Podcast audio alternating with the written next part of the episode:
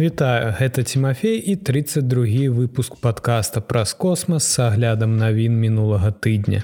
Сёння раскажу пра вяртанне прыватнай місіі iX2, пра новы рэкорд на арбіце зямлі, няўдалы запуск ракеты з паўночнай кареі, драўляны спадарожнік і іншым.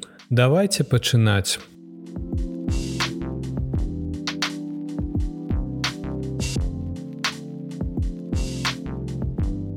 Капсула SpaceX Dragon з прыватнымі астранаўтамі iX2 прываднілася ля ўзбярэжжа Флорыды 31 траўня. Чатыры астранаўта прыватнай місіі AX2 вярнуліся на зямлю ў сваёй капсуле SpaceX Dragon увечары 31 траўня. Драган Фрыдам адстыкаваўся ад міжнароднай касмічнай станцыі раней у той жа дзень у 15 гадзін 5 хвілін па Грынвічы, завяршыўшы дзесяцідзённую місію, якая ўключала 8 дзён у арбітальнай лабараторыі.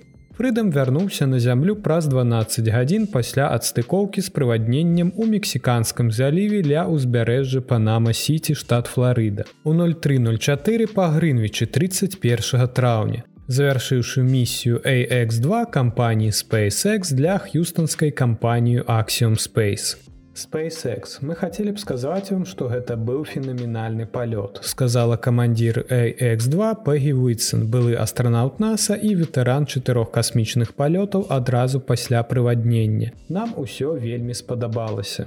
X2 гэта другая місія на мкс якая выконваецца аксіум space пасля AX1 у красавіку 2022 года папярэдняя місія была першым палётам у арбітальную лабараторыю з прыватным экіпажам Каманда AX2 Пегі Вытсон былая астранаўтка NASA рэкардсмен, якая цяпер з'яўляецца дырэктарам па пілатуемых касмічных палётах у Axiom Space. Іншымі членамі экіпажа былі Джон Шофнер, Алі Алькарні і Раяна Барнауі.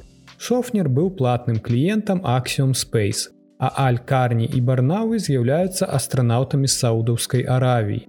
Барнауі стала першай жанчынай саудаўскай аравіі, якая калі-небудзь дасягнула космасу. Уытсон, якая правяла ў космасе больш часу, чым любы іншы амерыканец і любая іншая жанчына таксама хвалявалася падчас цырымоніі развітання. Яе рэкорд касмічнага палёту складае 665 дзён да запуску AX2. Гэтыя хлопцы віталі нас на борце, сказала яна, маючы на ўвазе членаў экіпажу цяперашняй 69 экспедыцыі МКС. Яны вельмі нам дапамаглі. Яны таксама былі такія ветлівыя і добрыя. І мы сапраўды шануем усё гэта. Мы адчулі сябе як дом. Дякуй і я вярнуся. Дагэтуль усяго адзін чалавек саудаўскай аравіі калі-небудзь лётаў у космас. Гэта быў прынц султан Біль Салман Аль-Сауд які лётаў у місіі STC51 G касмічнага карабля дыскаверы яшчэ ў 1985 годзе. Кожнай гісторыі прыходзіць канец. І гэта толькі пачатак новай эры для нашай краіны і нашага рэгіёну, сказала Барнауі падчас цырымоніі развітання на МКС у панядзелак 29 траўня. Калі ўсё пойдзе па плане у найбліжэйшай будучыні да мкс адправіцца яшчэ больш караблёў SpaceX Dragon. Напрыклад, у гэтую суботу 3 чэрвеня запланаваны запуск рабатызаванай версіі капсулы з грузавой місіі ў арбітальную лабараторыю. А крю Драган даставіць чатырох членаў на мкс у рамках місіі SpaceX Крю 7 для NASAа, старт якой запланаваны на жнівень.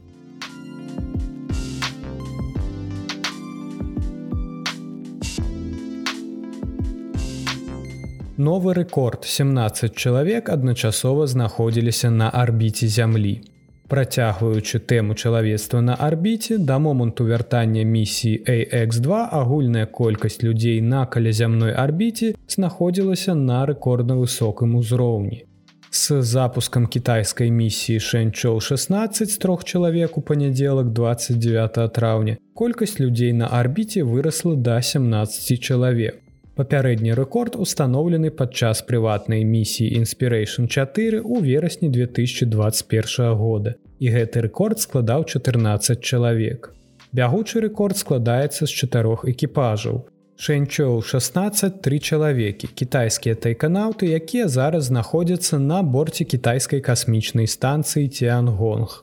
Шэньчоу 15 тры чалавекі, якія знаходзяцца на борце Тянгон з лістапада 2022 года і як чакаецца вернуцца на зямлю ў пачатку чэрвеня.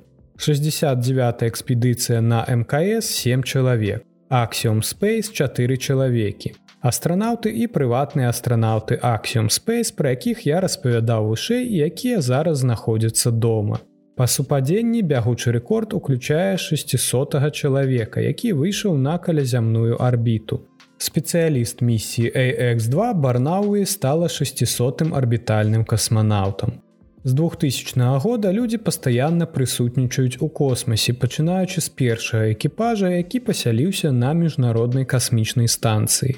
У канцы мінулага года Кітай завяршыў зборку трохмодульнай касмічнай станцыі Тянгонг. Экіпаж Шэньчоу 16 з'яўляецца пятым экіпажам станцыі з 2021 года.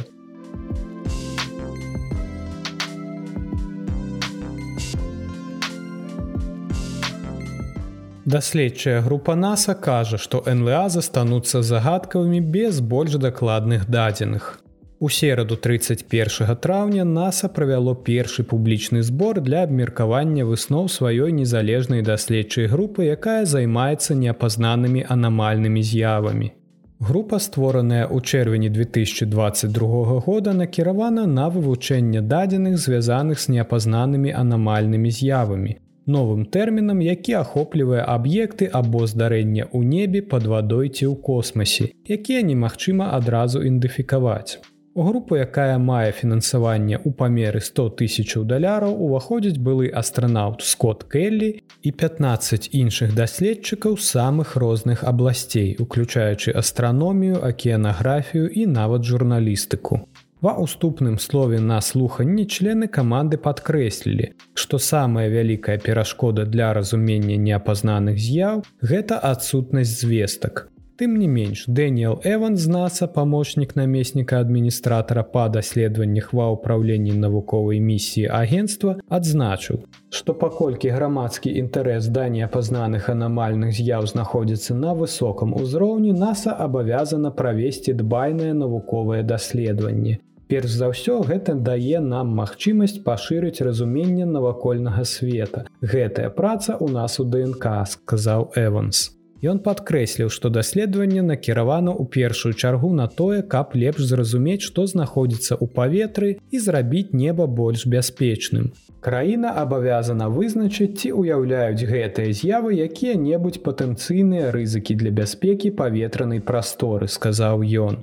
Нікі Фокс, намеснік адміністратара ўпраўлення навуковых місій NASAа сказала, што незалежнай даследчай групе было даручана стварыць дарожную карту таго, як выкарыстоўваць прылады навукі для адзнакі і класіфікацыі прыроды неапазнаных анамальных з'яў у будучыні. Гэтая дарожная карта дапаможа атрымаць карысныя дадзеныя для тлумачэння прыроды будучых неапазнаных анамальных з'яў. Аднак Фокс адзначыла, што атрымаць доступ да высакаякасных дадзеных няпроста, паколькі сэнсарныя платформы, якія выкарыстоўваюцца для збору дадзеных часта засекрэчаныя. Калі б знішчальнік сфотаграфаваў статую свабоды, то гэты здымак быў бы засекрэчаны не з-за аб'екта на здымку, а з-за датчыка на самалёце, сказала Фокс. Яна падкрэсліла неабходнасць у высокаякасных несакрэтных дадзеных, якія дазваляюць нашай камандзе палепшыць разуменне неапазнаных анамальных з'яў не толькі адзін з адным, але ў навуковай супольнасці і сярод грамадзян. Шон Кірпатрык, дырэктар упраўлення Пентагона па вывучэнні анамалій ва ўсіх абласцях пагадзіўся заявіўшы што хоць большасць справаздач звязаных з неапазнанымі анамальнымі з'явамі разгледжанымі офісам лёгка растлумачыць але некаторыя ўсё яшчэ застаюцца нявырашанымі. Адзін з самых збянтэжаных момантаў які адбыўся ва ўступных заявах калі і фокс і эванс паказалі што шматлікія чальцы даследчай групы подвяргаліся пераследам у выніку іх удзелу Каманда бяспекі NASAа актыўна займаецца гэтай праблемай, сказаў Эванс.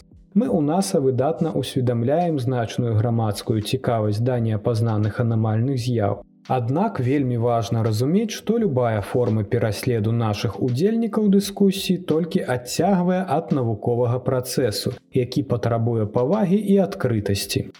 Падчас тэлеканферэнцыі пасля сустрэчы каманда дадала, што жыццёва важна працягваць навуковае даследаванне на аснове наяўных дадзеных і не рабіць неабгрунтаваных высноў.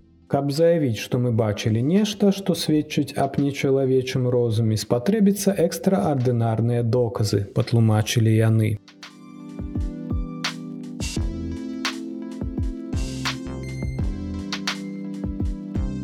Паўночная Карея заявіла аб няўдалым запуску ракеты і страце першага спадарожніка шпіёна. Запуск першага паўночна-карэйскага спадарожніка шпіёна не ўвянчаўся поспехам. Рэжым карэйскай народна-дэмакратычнай рэспублікі паспрабаваў запусціць першы ў краіне спадарожнік шпіён у 6:37 раніцы па мясцовым часе ў сераду 31 траўня з касмадрома соха, што выклікала папярэджанне па ўсёй паўднёвай кареі.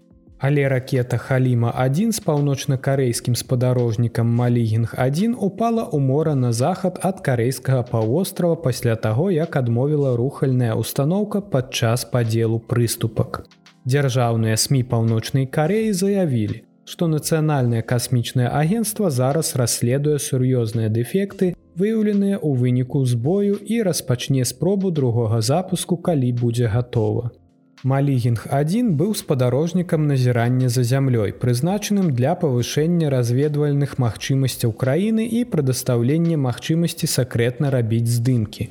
У снежні 2022 года паўночная Карея правяла запуск, які нябыта правяраў магчымасці апарата для атрымання здымкаў, але гэтая місія не прызначалася для выхаду на арбіту. Савет бяспекі Аан актыўна забараняе паўночнай карэі праводзіць запускі балістычных ракет вялікай далёкасці. Хоць запуск у сераду быў накіраваны на запуск спадарожнікаў космас, Белы дом 30 траўня выступіў з заявай, у якой гаворыцца, што няўдалы запуск наўпрост звязаны з праграмай міжкантынентальных балістычных ракет КНДР. ЗША асудзілі запуск у сераду і заклікалі ўсе іншыя краіны зрабіць тое ж самае. Дзверы для дыпламаты яшчэ не зачыненыя, але пхеньян павінен неадкладна спыніць свае правакацыйныя дзеянні і замест гэтага выбраць узаемадзеянне. Гаворыцца ў заяве белага дома. У апошнія гады паўночная карея тэстуе ўсё больш складаныя тэхналогіі балістычных ракет, што выклікае апасенні, што некаторыя з гэтых ракет могуць дасягнуць кантынентальнай часткі злучаных штатаў. Але ёсць пытанні аб тым, наколькі праўдзіва краіна ў дачыненні да сваіх ракетных магчымасцяў, якія растуць. Паўночная Карея ўжо паспяхова запускала спадарожнікі на арбіту раней, але відаць не шпіёнскага тыпу. Адзін раз у 2012 годзе і яшчэ раз у 2016. Аднак незразумела, наколькі добра гэтыя касмічныя апараты працавалі пасля запуску.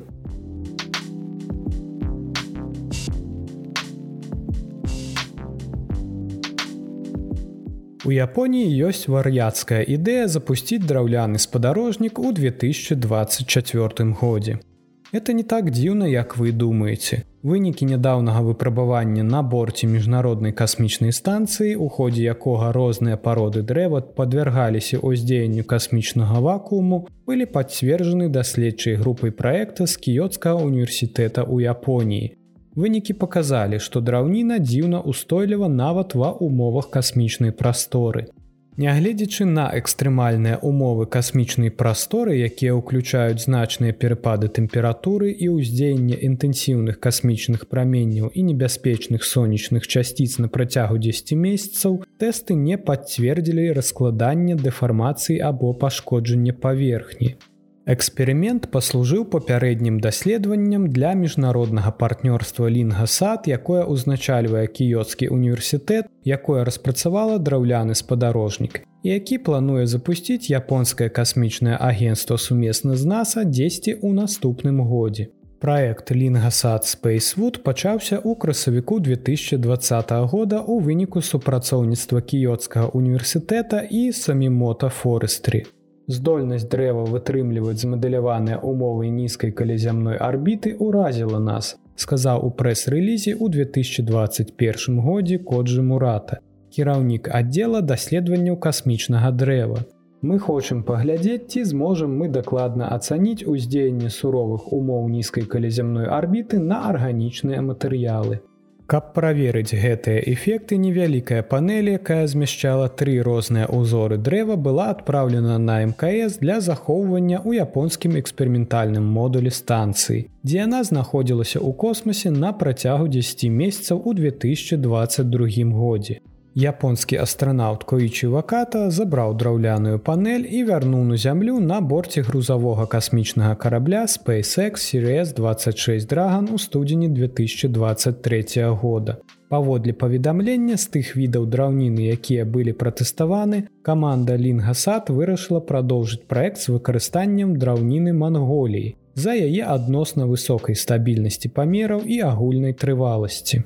Калі насэмрэч драўніна становіцца сапраўды жыццяздольнай альтэрнатывай для вытворчасці спадарожніка, у яе ёсць некаторыя патэнцыйныя перавагі ў параўнанні з тыповымі металічнымі сплавамі, выкарыстоўванымі ў сучасных канструкцыях. Па-першае, гэта больш экалагічна ва ўсіх накірунках. Спадарожнік з драўніны прасцей танней і чысцей вырабляць. Ён значна больш аднаразовы, калі гаворка ідзе аб заканчэнні тэрміна службы спадарожніка. Пры сыходзе з арбіты спадарожнікі і кампаненты, з якіх яны сабраныя, звычайна згараюць у атмасферы зямлі. Часткі, якія не згараюць, стратэгічна скідваюцца з арбіты, каб упасці ў аддаленныя часткі акіяна.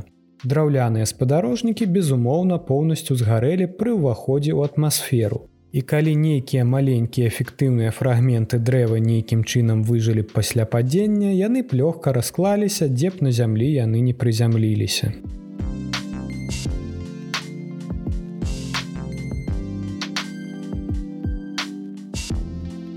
Гэта ўсе навіны, пра якія я хацеў расказаць вам у выпуску. Цяпер пагаворым аб самых цікавых падзеях наступнага тыдня. 4 чэрвеня 2023 года вы можете назіраць клубнічную або трускаўковую поўню. Клубнічны месяц адна з традыцыйных індзейскіх назваў для чэрвеньскай поўні. Яно звязана не з самім месяцам, а з яго асаблівасцямі. У чэрвені індзейскія плямёны збіралі трускаўку. Хоць часцей за ўсё поўны месяц у чэрвені называюць клубнічным, у Еўропе яго называлі ружовым. Можа быць таму, што ў гэты месяц расквіталі ружы, а можа быць таму, што ў чэрвені поўня часам набывае ружовы колер. Месяц дасягне сваёй поўнай фазы 4 чэрвня раніцай у 6 гадзін 42 хвіліны па беларускім часе. Цалкам асветлены месяцовы дыск будзе зяць у сузор'і скарпіёна. 7 чэрвеня адбудзецца пік метэорнага потоку дзённыя арыетыды. Гэта адзін з наймацнейшых дзённых метэорных потокаў года. Але, на жаль, метэорны поток даволі складана назіраць, паколькі радыянт потоку знаходзіцца ўсяго ў 30 градусах на захад ад сонца. Аднак метэоры ўсё ж можна разглядзець незадоўга да світання 7 чэрвеня. 9 чэрвеня ў 2319 па беларускім часе або ў 2019 па грынвічу месяц сустрэнецца сатурнам. Абодва аб'екты можна будзе знайсці ў сузор'і вадалее. 3 чэрвеня ракета SpaceX Falалcon 9 запусціць касмічны карабель Dragon 2 з місіяй па дастаўцы грузаў на міжнародную касмічную станцыю. Гэты палёт з'яўляецца 28 місіяй SpaceX, выкананай у рамках контракта на камерцыйныя паслугі забеспячэння з NASAа. Дзякуй, што даслухалі да канца. Я б хацеў выказаць падзяку ўсім маім патрыонам за падтрымку майго падкаста. Вы таксама можете далучыцца з пасылка ў апісанні. Да пабачэння пачуемся на наступным тыдні.